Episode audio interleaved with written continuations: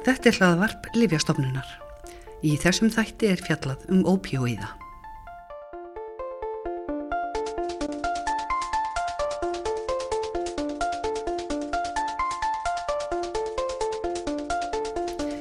Setnipartin í janúar var umfjöllun í þættinum kompási á stöð 2 þar sem framkom að margt heilbriði starfsfólk telti verulegan vanda á handum vegna misnótkunnar ópíóið Livja Hérlendis. Áðum ópíóiða faraldur væri að ræða. Framkom að Livjatengt andláta á Íslandi væru fleiri en annar staðar á Norðurlöndunum hefðu aldrei verið fleiri en á fyrri helmingi síðasta ás. Þessi umræða fór fram á svipuðum tíma og margir hafðu verið að fylgjast með sjónvastáttaröðinni Dópsik. Þar er fjallað um ópíóiða faraldurinn í bandaríkjunum í kjölfar vafasamrar markaðsetningar framlegandars Purdue Pharma á lifinu Oxycontin. Langflestir ópíóiðar tilheyra flokki ávana og fíknilifja en það er flokku livja sem ætla má að geti haft skadleg áhrif vegna fíkni eða ávanahættu eins og segir í reglugerð. En hvað eru ópíóíðar? Hvernig verka þeir á líkamann? Hvað gerir að verkum að þeir slá svo mjög á sásuka, vita vel í þann og eru jafn ávanabindandi og raun ber vitni? Hvernig frákvarum valdaðir ef notkunni skindilega hægt og hvers konar meðferðir er hægt að nýta þegar um langvarandi verkir að ræða annað en engungu líf? Þau sem skýra þetta fyrir okkur eru Magnús Karl Magnússon, professor við Læknadilt Háskóla Íslands og Sigriður Sóeka, sérfræðingur í hjúgrunn á verkja meðstöð landsbítala. Fyrst Magnús Karl Magnússon, professor. Hann kennir líflifjafæræði, pharmacology, við læknadild og það fjallar um hvernig líf verka á líkamann, hvernig líkamann meðhöndlar líf, hvernig við umbrjóðum og útskiljum líf. Og það er kannski rétt að geta þess að viðtali var tekið upp á vindasumum februardegi sem að kannski má greina svona inn á milli. En fyrst, hvernig eru ópíóiðar unnir? Eru þeir unnir úr ópíumi? Ópíum er sem sagt, eða ópíumplantan er það sem að efnið eru unnið úr sem er mörglif, eiga upprunnin sín í náttúru. E, og þegar við kannski hugsaum um ópíumplantuna þá eru fjölmörg efni í henni sem hafa þessi svipuð áhrif. Og uh, úr henni er hægt að vinna þessan svona svokallum náttúrulegu ópjóiða e, og það væru þá efni sem að eru þá unnin úr plöntunni og er hægt að nota í lifjaformi og kannski munurinn á því þegar við erum kannski að hugsa um ímislega sem kemur úr náttúrunni að þá er ofta að tala um efni sem getur verið blöndus oft skild efni í einhverju plöntu og jafnvel óskild en blanda efna. E, og svo þegar livjaðunaðurinn fer að reyna að nýta sér þessar afurðið náttúrunar þá erum við vel að reyna einangraða niður á einstök hérna, einstakar efna samindir og þannig koma til efni eins og morfín sem kannski þetta klassiskasta ópíum og, og kótein eru kannski þessi klassísku náttúrulegu uh, ópíuviðar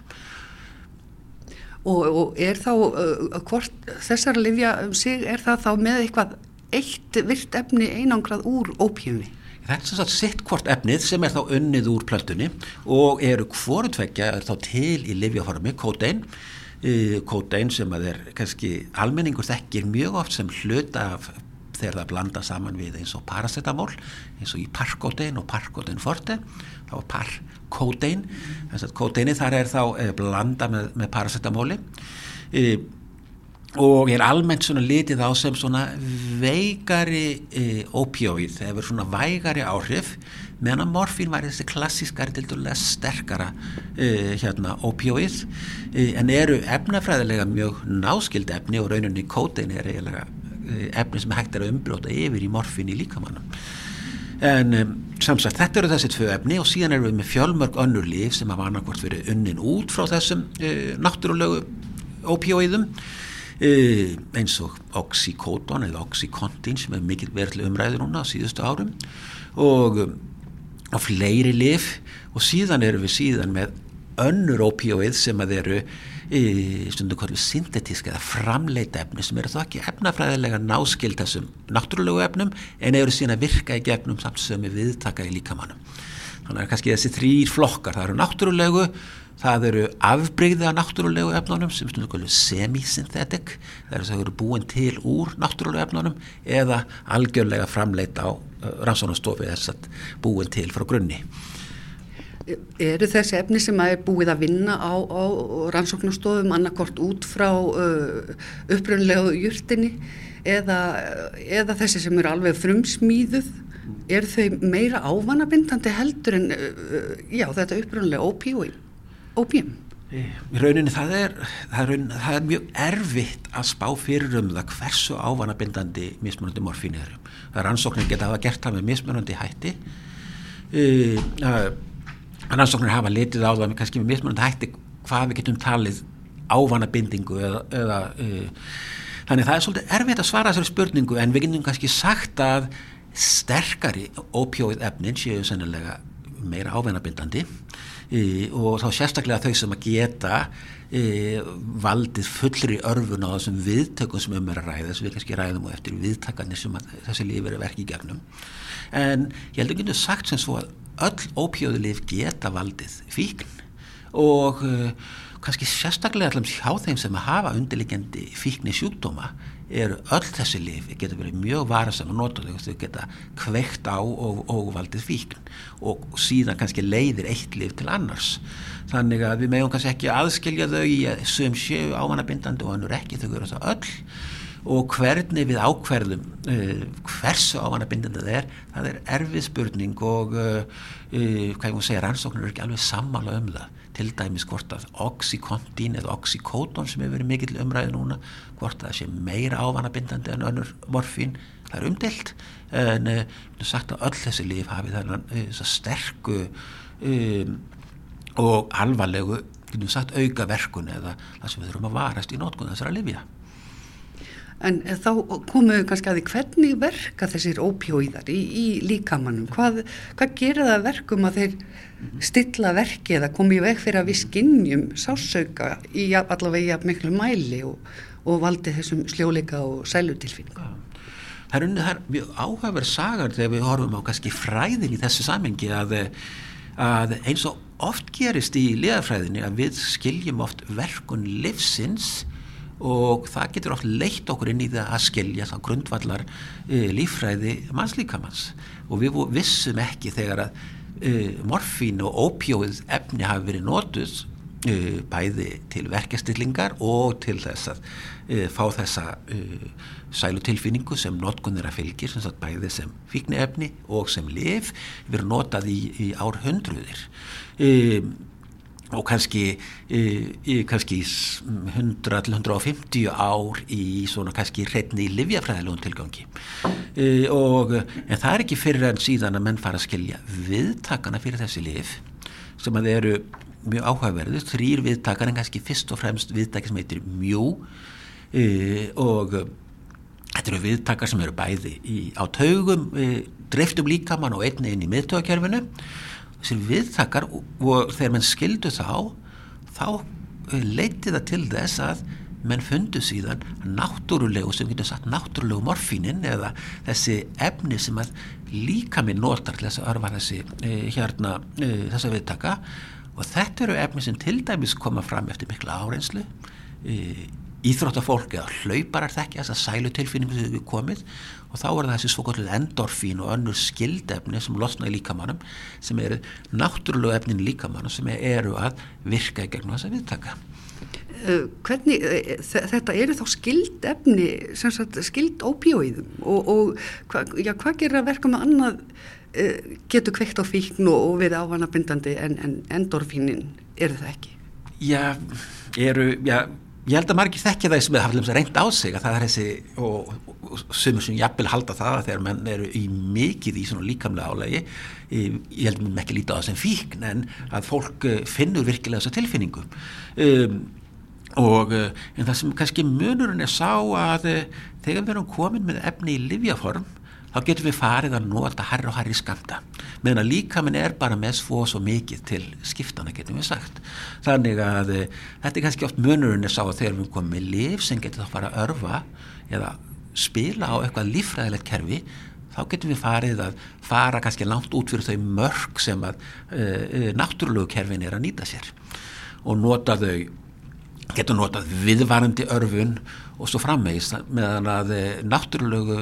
mekanismanir eru alltaf um skala Þannig að líka minn sér þá um að tempra þetta, þetta náttúrulega endorfinin og, og, og þau efni en, en uh, getur ekki gefið einhver merki með hinn eða hvað? Já, um, ég er svona alltaf svolítið uh, uh var samt að nota orðið að líka með sé að tempra eitthvað en þetta er bara kerfi sem að þér lítur ákveðinu lögmálum. Það, er, það bregst við ákveðinum uh, til dæmis við álægi og hluti að því til dæmis þeir rótun undir álægi þetta er ekki bara sælutilfinningin heldur líka dragur sársauka. Þannig að endorfinin dragur sársauka þannig að þetta er, hefur öruglega þróast með e, lífverum til þess að geta tekist á við e, mikið líkamlegt ála og geta þá bælt niður sársauka sem því geti fyllt. Þannig að e, þetta eru kerfi sem að eru Um, kannski engin tilviljun að þau hafa þessa blöndu af sælutilfinningu og síðan sem er kannski verkun í miðtöðakerfi sársauka e, dempunin sem að er þá blönduð áhrif bæði í miðtöðakerfi og í taugum víðaðum líkamann, sársauka taugum. E, og um, hérna, þannig að líkamann hefur þessa leið og, og síðan e, eru þá livjaformið ertu komin með tæki þá til að geta tekið alltaf harri og harri skamt sem líka minn hefur ekki. En þessi verkastilling og þessir, hvað kallar það mjög þessi viðtakar við, viðtakarnir. Ja. uh, sko hvað er, er verið að þá slá á einhver eða dempa einhver skilaboð frá líkamannum sem eru raunverulega til staðar um að sé eitthvað að? Mm -hmm. en það er, já,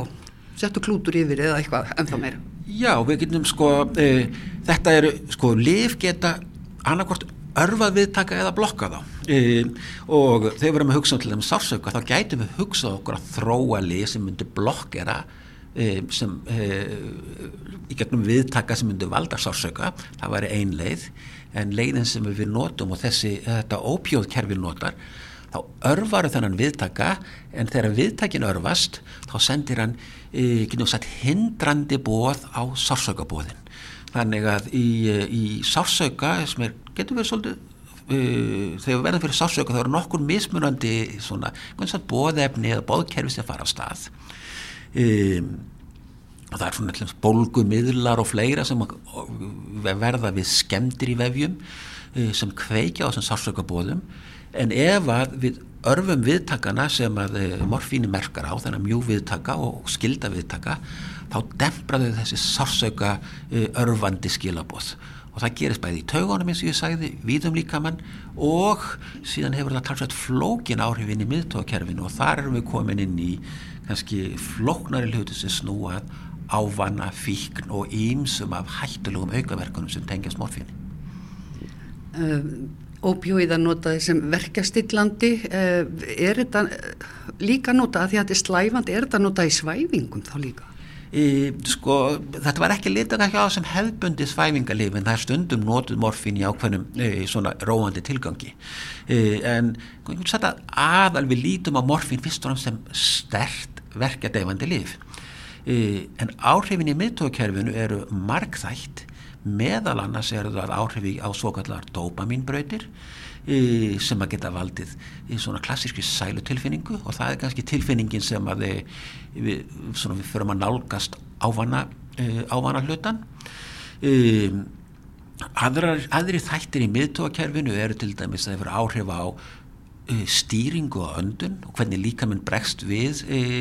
öndunar bæling og því en líkt. Þannig að þau bæla öndun þau hafa áhrif á blóðþrýstingsstjórnun og fleiri þætti. Þannig að þannig erum við komin inn í erum farin að spila á kerfi sem geta verið mjög hættulega kerfi eins og til dæmis uh, öndunar miðstöðin sem stýrir öndun líkamanns í háamskömmtum dregur morfín úr drefkrafti öndunar og er kannski það sem getur valdið þessum banvænu aukaverkum að einstaklingun sko við maður hætti að anda vegna þessar miklu bælingar á, á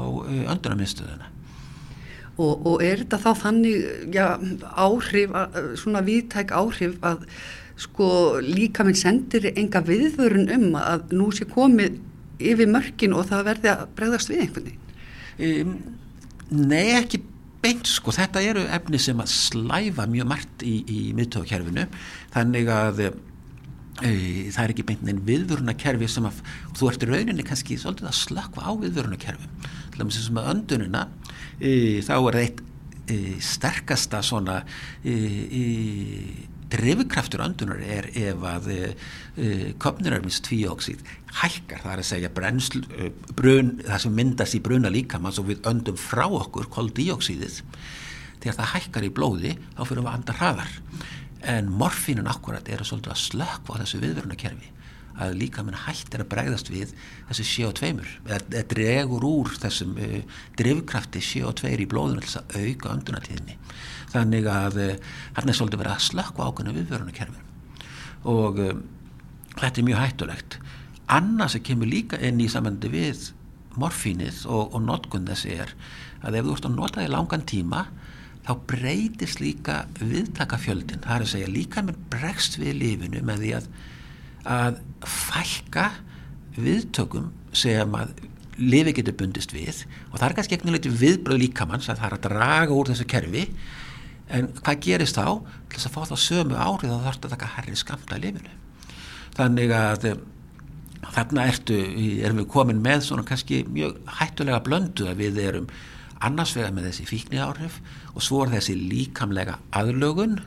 og bæði líkamleg og sálræn fíkn sem þessu fylgir. Þannig að það hefur svona mjög marga þætti sem gera þessi lif mjög erfið hvað fíkn varðar. Og það er kannski ekki eh, auðvelt fyrir þá sem hafa ánætast þessu sem fíkni efni að átta sig á því hvenar er komið einhverju mörgum, það, það sækir alltaf í stærri og stærri skamt en kannski erfitt fyrir viðkomandi að átta sig á því hvenar hann er að taka stóra skamti Ég held að það sé, e, nú er kannski, fíknisjúkdómar er flókið viðfangsefni og ekki kannski alveg mitt sérsvið ræða um það, en ég held að við getum sagt með okkur í vissu að e, flestir sem er að e, byrja að lenda í fíknivandamáli, það rennur mjög seint upp fyrir fólki. Og um, hérna meðan að svona sem er horfir aftur í tíman þá til dæmis þegar að fíknir svarna hafa áhrif á daglega eh, eh, getum við sagt að einstaklingur sé farin að brjóta upp sína rútinu til þess að geta reyna að svala eh, þessari fík sem er farin að herja á líkamann að þá erum við kannski komin á hættulega stig. En e, þetta á við kannski flestar fíknir, alkohól reykingar e, e, ópjóðfíkn og fjölmart annað. Eru ópjóðíðarnir svona daldi langt í verkun frá upprunalega ópíuminni ópíuminu? Þetta er alveg sama eh, og þetta er bara spurningin um það eh, í þegar þú komir hreitna form þá getur þú fengið oft herri eh, skamta markvissari meðferðir og svo frammeðis en á sama tíma ertu þá kannski komið líka út í svona með e, meiri hættu á því að þú getur fengið mikla verkun og þá eitthvað líkur á fíkn og kannski annað sem er kannski verðt að leggja miklu áherslu á að það gildir almennt með fíkni sjúkdóma að ef að einstaklingur hefur haft einn fíkni sjúkdóm þá eru aukna líkur á því að, hann uh, fái fíkn gegn öðru lifi. Þannig að þetta er dæmis hluti sem þarf mjög að hafa í huga þegar verður að nota e, morfinlifin. Ég talaði dæmis áðan um það að við notum þau kannski klassíst var að nota einhvers við bráðaverkjum. Annað ástand sem ég vildi nefna eru til dæmis í krabbameinssjúklingum, sérstaklega þeir sem eru komin með langengin krabbameinssjúkdóm með alvarlegum verkjum, það lítum við líka á sem svona klassiska ábendingu eða segja klíniska notkun fyrir e, sterkverkjali væri, væri e, hefðbundi notkun á opíóiðum. En önnur notkun opíóiða í krónísku merkjum er, sagt, umdeildari og virkilega umdelt hvort að þau eigi heima í krónísklu verkja með þeir ekki um að ræða krabba minn. Eh, eru ópjóiðar til dæmis notaðir eftir aðgerðir, eftir stóra aðgerðir? Já, það var í dæmi um eitthvað það sem, það sem eru bráðirverkir, það sem ópjóður gætu haft tilgang. En þarna til dæmis skiptir máli ef að e, e, koma sem ég sagði á þann, ef einstaklingunum er haft fíknisjútum, þá þurfum við að vera á varbergi og um, Eh, hérna um, þannig að já, ég held við þurfum bara að vera meira á Vartbergi heldur en ég held við verið svona um uh, Læknisfræði fyrir svona 10-15 árum, hún slakaði svolítið á klónni hvað var það svona hræðsluna við morfinin og, og það kom svolítið í bakið á okkur. Þannig að þetta, þetta kannski af því að þetta eru svona öflug verkjalið að, að þetta hafi verið svona tiltvölega þægileg og fljótleg lust til að takast á við þetta allavega til skemmri tíma. Já, við megum ekki gleyma því að verkir eru, þetta er e, gífilega stort og erfitt klínist vandamál. Þannig að þetta er klínist vandamál sem að er e, að leita að góðu meðferðum. Eru læknar uh, mikið að ræða þetta núna? Þetta, nú hefur þetta ápjóðið verið aldrei mikið í umræðinni meðal annars út af oxykontininu og, og sögu þess? Er verið að ræðum svona hvernig, hvernig er hægt að draga úr notkunin vegna þessara rosalegu ávenna bindingar Það hefur verið mikil umræðu um það já og ég held svona síðustu sett fjórundi fimm árum. Og um, ég held að sko um, það er svolítið erfitt að segja hvena við tölum að eitthvað sé sko faraldur og hvort að það sé faraldur núni í gangi. E, ég er ekki alveg viss um hvort að það sé eitthvað sérstatt í gangi núna hvað var þar e, sem er breytt svona á allra síðustu árum. Ef við horfum á tölur að minnst okkosti hvað var það livseðils e, formið af, af opíóðunum ef við sleppum því hvort að það, það sem hefur komið gegnum aðra leiðir. En ef við horfum á livseðla notkun opíóiða þá var hún að vaksa alveg frá síðustu aldamótum stöðugt og við vorum að nota meira heldur nágranna þjóður okkar ekki jafn mikið af bandaríkjumenn sem fóru vest út úr þessum stóra oxykontin faraldri ekki jafn mikið af bandaríkjumenn við vorum að nota meira heldur nágranna þjóðunar en sá vöxtur sem að uh, hófst um síðustu aldamót eða svona kannski rétt fyrir síðustu aldamót e, svona í kringum 2017 höfum við séð að notkun ópjóðilifja hefur, hefur stabiliserast og jafnvel heldur dreyið úr því hvað var þar allavega þess að við sjáum í livsæðlu útskriftum þannig að eh, Ertu þá að tala um eh, flokkin í heilsinni að það hefur kannski verið tilfæslur millir livja innan þessa flokks eða hvað? Já, ef við horfum á og reynum að leiðir þetta fyrir hvað hversu sterk þau eru, en ef við horfum á notkund þessara livja út frá e, sagt, og leiðir þetta fyrir styrk þeirra að þá hefur notkunin sínist mér ekkert aukist frá 2017 jafnvel heldur mingað en um, hérna og það tengist að 2017 voru breytingar e, meðal annars breytingar á því hversu mikið mátti skrifa út af opjóiðum, hvernig fylgst er með notkunni í gegnum lífjagagnagrunna og, og sambærilega hluti, þannig að það farið í áttak í, það var mikil umræða á læknadögum var umræða mikil um, um læknadagar sem eru svona fræðslu ráðstefna lækna. Það var mikil umræða um þetta og hafi verið málþing um þetta efni. Þannig held að þetta er hefur komið til mjög vaksandi umræðu. En á móti kemur að við erum ennþá með stóran hóp fólks sem að þið er annars vegar með krónisk verkja vandamál og síðan er líka það sem er mjög erfitt, við erum líka með stóran hóp fólks sem að er á er kannski ekki sagt fast á verkjalifjum og hvernig tökum við ást í vandamáli? Það er, það er mjög erfitt. Þetta var Magnús Karl Magnússon professor við Læknadild og í framhald af orðumanns um þráláta verki snúum við okkur til Sigriðar Sóeka Hún er dósend við hjógrunafræði til Táskóla Íslands og er hjógrunafræðingur á verkefmiðstöð Landsbítalands Þar starfa saman þverfæðlegur hópur í missa sérfræðinga Já, við erum sem sagt uh, í teiminu, innan verkefnið stöðar, eru eh, hjókunarfræðingar, það eru læknar og semst hjókunarfræðingar við erum tveir sem, sem eru með framhaldsnám og eitt sem er að hefja framhaldsnám í verkjum. Uh, það eru svæfingalæknar sem allir eru með framhaldsnám í verkjumæðferð, við erum með lifjafræðing, sálfræðing og við erum með sjúkraþjálfara. Þannig að við erum að sinna fólki sem að auðvitað innan spítalans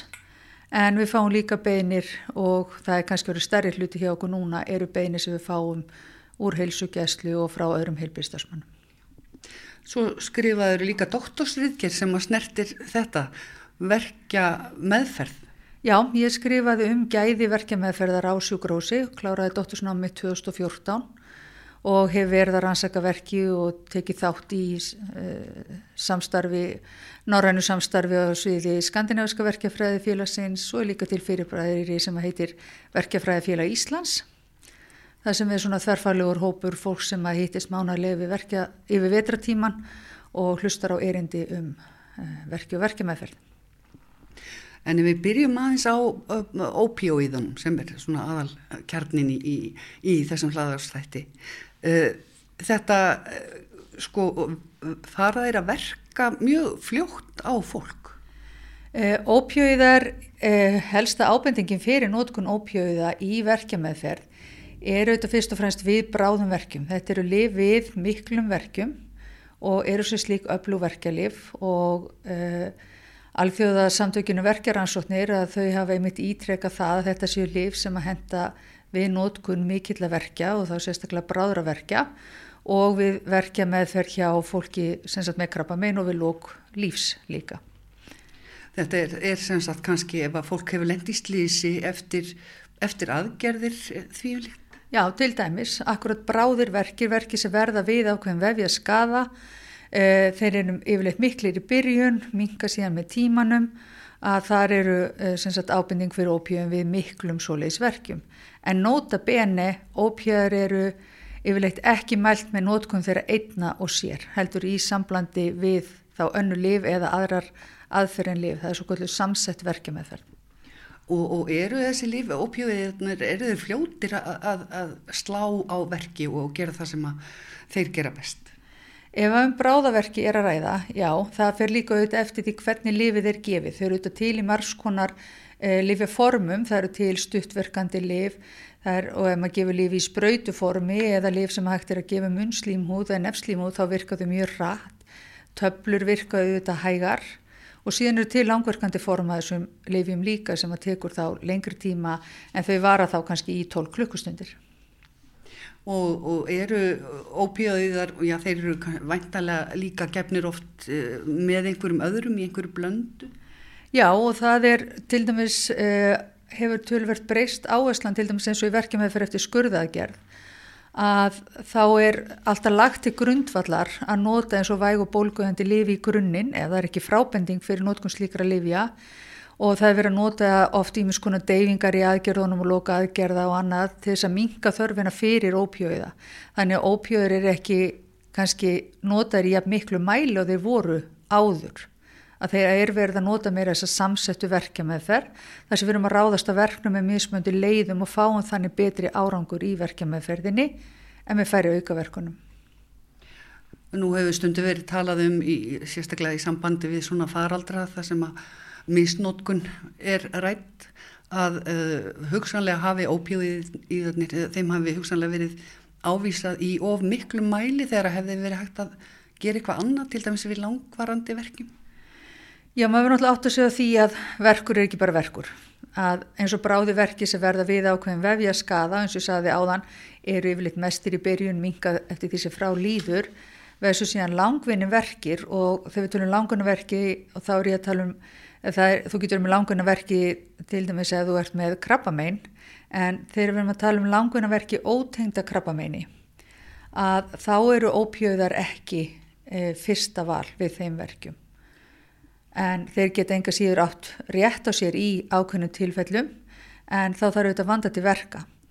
Og líka annað sem að þarf að spá í að það eru auðvitað ímislegt oft í kerfin okkar sem að ítir undir e, til dæmis að fólk fær mörgum töflum ávísað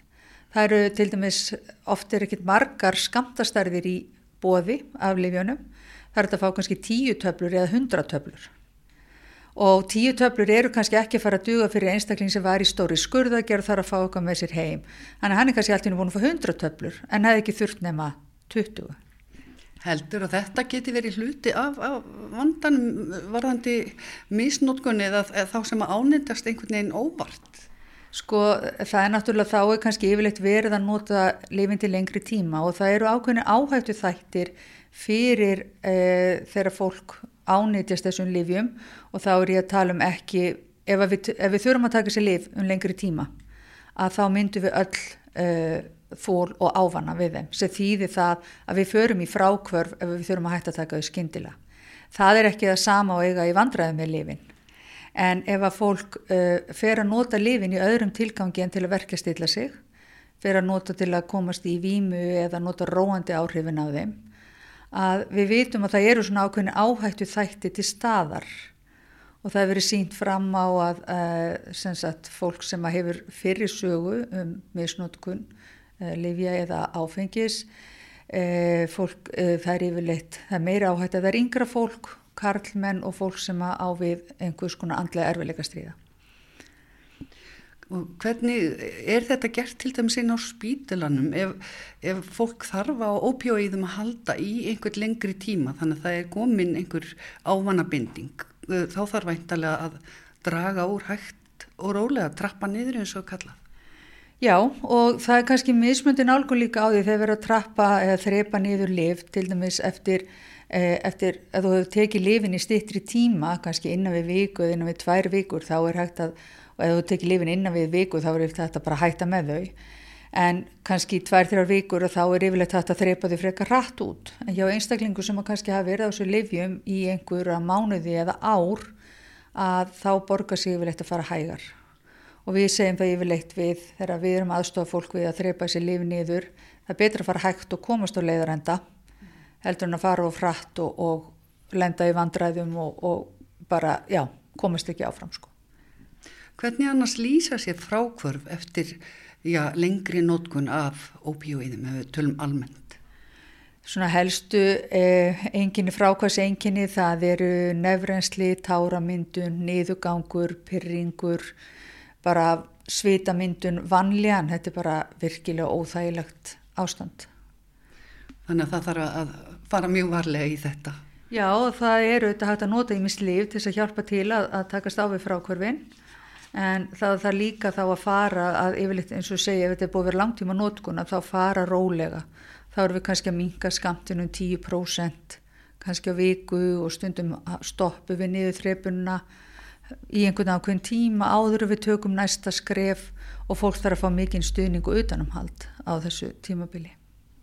En við tölum svona almennt um, um já ekki endilega frákvarheldur bara já þennar sásauka sem að fólk upplifir við, já, eftir einhverja vefja skada mm. uh, hvernig geti þið meti hversu mikil sásauki fólks er? Sko verkur er það sem einstaklingu segir að er verkur og er til staða þegar hann eða hún segir svo vera þetta er kannski svo skilgring sem við göngum út frá í klínisku starfi að við trúum því sem að fólk segir okkur Það þýðir hins vegar ekki að morfín sé alltaf endilega rétt að svari við þeim verk. Þannig að þegar við erum að meta verki að þá þurfum við auðvitað að spurja um hvar eru verkirnir, hvernig lýsa þeir sér, eh, hvernig haga þeir sér, eru þeir stöðugir, koma þeir og fara, eh, finnst fólk geta að vera eins og rafströymur eða þingsli, hvernig lýsi fólk verkjunum og svo er eitt partur af því ég er að spyrja mitt um hversu miklir verkirnir eru og við bráðum verkjum og þá er þetta mælikvarði sem að, að e, hefur tölverið þýðingu hvað var þar svona ákvarðan og tökum við meðferðina en við langvinnum verkjum að þá kannski erum við meira að horfa á hvernig er virkni einstaklingsins, e, lífsgæði og þess áttar. Þannig að þegar maður metur verki þá þarf maður alltaf að gera heilstætt mat á verkjunum. Hvað er fólk reynd áður, hver er reynslan, e, svona hvaða tilfinningar hefur fólk gagvart verkjunum, hvernig líður því mm. menn það er grundvallar munur á, á uh, verkjum er, ég meina hver er tilfinningin uh, verkjum við basfæðingu með að við það að vera fótbrotinn en, en ef við hérna tölum um það er búið að vera að tala um faraldur núna að það sé aftur komin upp svona faraldur af misnótkun ávanabindandi livja og þá sérstaklega ópíóiða mm. Uh, hefur það byrst ykkur hérna inn á spítalan? Uh, ég get ekki sagt að það hefur kannski endilega byrst okkur uh, í starfu okkar á verkefniðstöð. Við náttúrulega erum yfirlegt að fá fólk sem er vísa til okkar er, sko þegar fólk kemur til okkar þá er það yfirlegt búið að fara á mjög marga staði áður. Það er búið að reyna mjög margt áður. Þannig að oft kannski kemur til okkar fólk og það er þá komið á sterk verkelif Þannig að það er kannski, uh, við erum yfirleitt ekki að hefja þessa meðferð nema í undatekningatilfellum. Þannig að ég myndi kannski ekki segja að það hefði byrst okkur sérstaklega þar og uh, ég held reyndar að það hefði verið farið í ímiskona vinnu bara í þjóðfélaginu. Uh, það er búið að breyta lögum, það er ekki að afgreða nema einn mánuð í einu af þessum livjum og heilsugjastlan hefur verið mjög meðvituð um að, að skrifa ekki út svona líf, bara, ekki bara endur nýja lífselana bara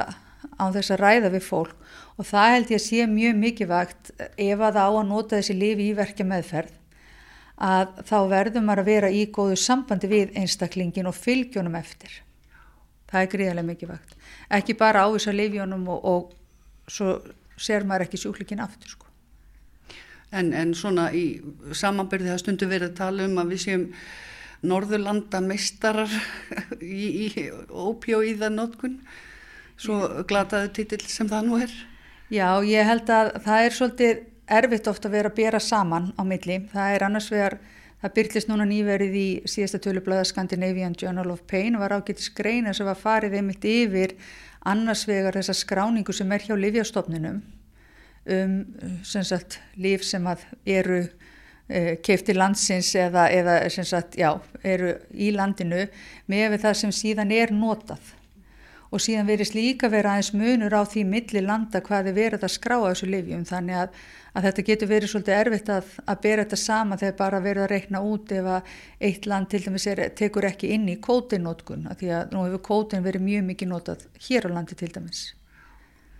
Þannig að það, það eru er mismunandi skilgreiningar milli landa þessu liti. Já, það verist vera sem að það sé ekki alveg nákvæmlega einskráð á milli landa sem gerir samanbyrjum svolítið erfiðan. En, en eh, ef við tölum um einhvers konar annars konar verkja meðferð og reyna að, að draga úr livjanótkun og, og, og beita einhverjum öðrum meðferðum, Hva, hvaða meðferðir eru það þá? Það eru auðvitað til ímsar meðferðir við verkjum og verkur eru auðvitað mjög einstaklingsbundin. Og það er, ég segi alltaf þegar ég er að kenna verkja meðferð að one size fits no one. Mm -hmm. að hérna það er svona eins og maður reynir að kaupa sér flík sem á að vera one size fits all og passar aldrei á neitt en það er eins með þetta, það er svo einstaklingsbundið hvað hendar hverjum og einum. Og það fyrir auðvitað líka eftir hvers konar verkir er þetta, hversu miklir eru þeir en við vitum það að við ætlum að meðhandla verkja árangusríkan hátt að þá er ekki nóg að ávisa bara einhverju lifi það það líka vinna með eh, hvernig eru hugsanirnar gagvart verkjunum, eh, tilfinningarnar, hvernig, eh, hvaða aðferðir hefur fólk sjálft til þess að svona hafa stjórn á líðansinni, get ég lært að gera eitthvað, get ég lært að þekka munstu hvað er það sem gerir verkinu mína verri og betri, hvað get ég sjálfu gert bara í mínu daglega lífi til þess að draga úr kannski álægið, við veitum til dæmis að e, mikið andlegt álæg og mikið streyta að hún gerir manni erfiðar að takast á við verki, e, svefn gríðarlega mikið vægur e, í tengslu við verki en það er oft svolítið vítarhingur að miklu verkir valda verið svefni sem aftur valda verið verkjum og svo framvís en eh, síðan eru þetta ýmsar leiðir sem að fólk ýmsar eh, hugrannar leiðir eins og hugrann atverðlismeðferð og svo er svo kvölduð uh, accept and commitment therapy sem er tölvört nótuna sálfræðinar í dag líka.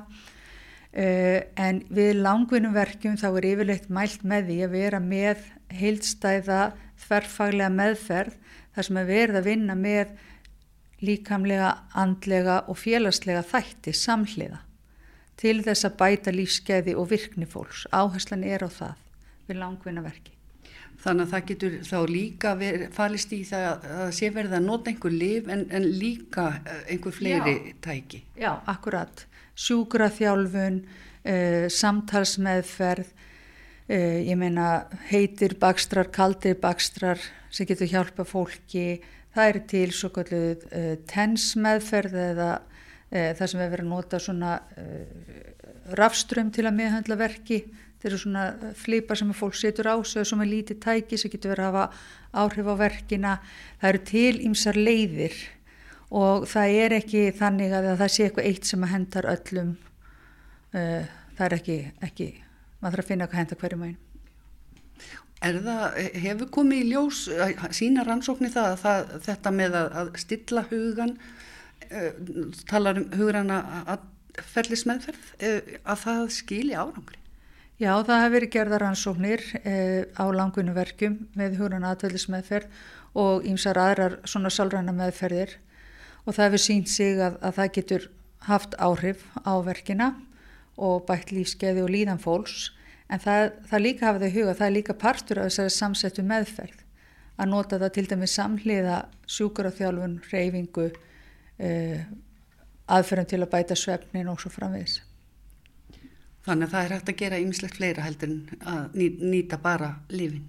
Já, já og það er, maður kannski hafa það í huga og það er það sem er mælt með þegar maður skoðar þessar klínisku leiðbendingar sem eru til og það er til marga leiðbendingar um uh, meðferð,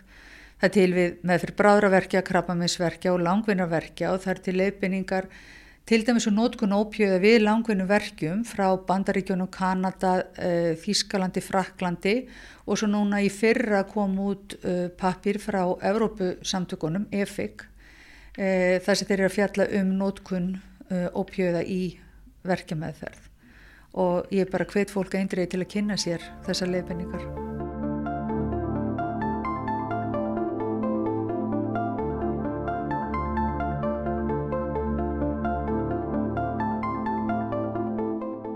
Þetta var Sigriður Sóeka, dósent við hjúgrunafræði til Táskóla Íslands og hjúgrunafræðingur á verkjamiðstöð Landsbítalans. Áður heyrðu við í Magnúsi Karli Magnúsin, professor við Læknadelt Háskóla Íslands, þar sem hann kennir líf livjafræði. Þar með segjum við þetta gott í byli. Takk fyrir að hlusta á hlaðvarp Livjastofnunar.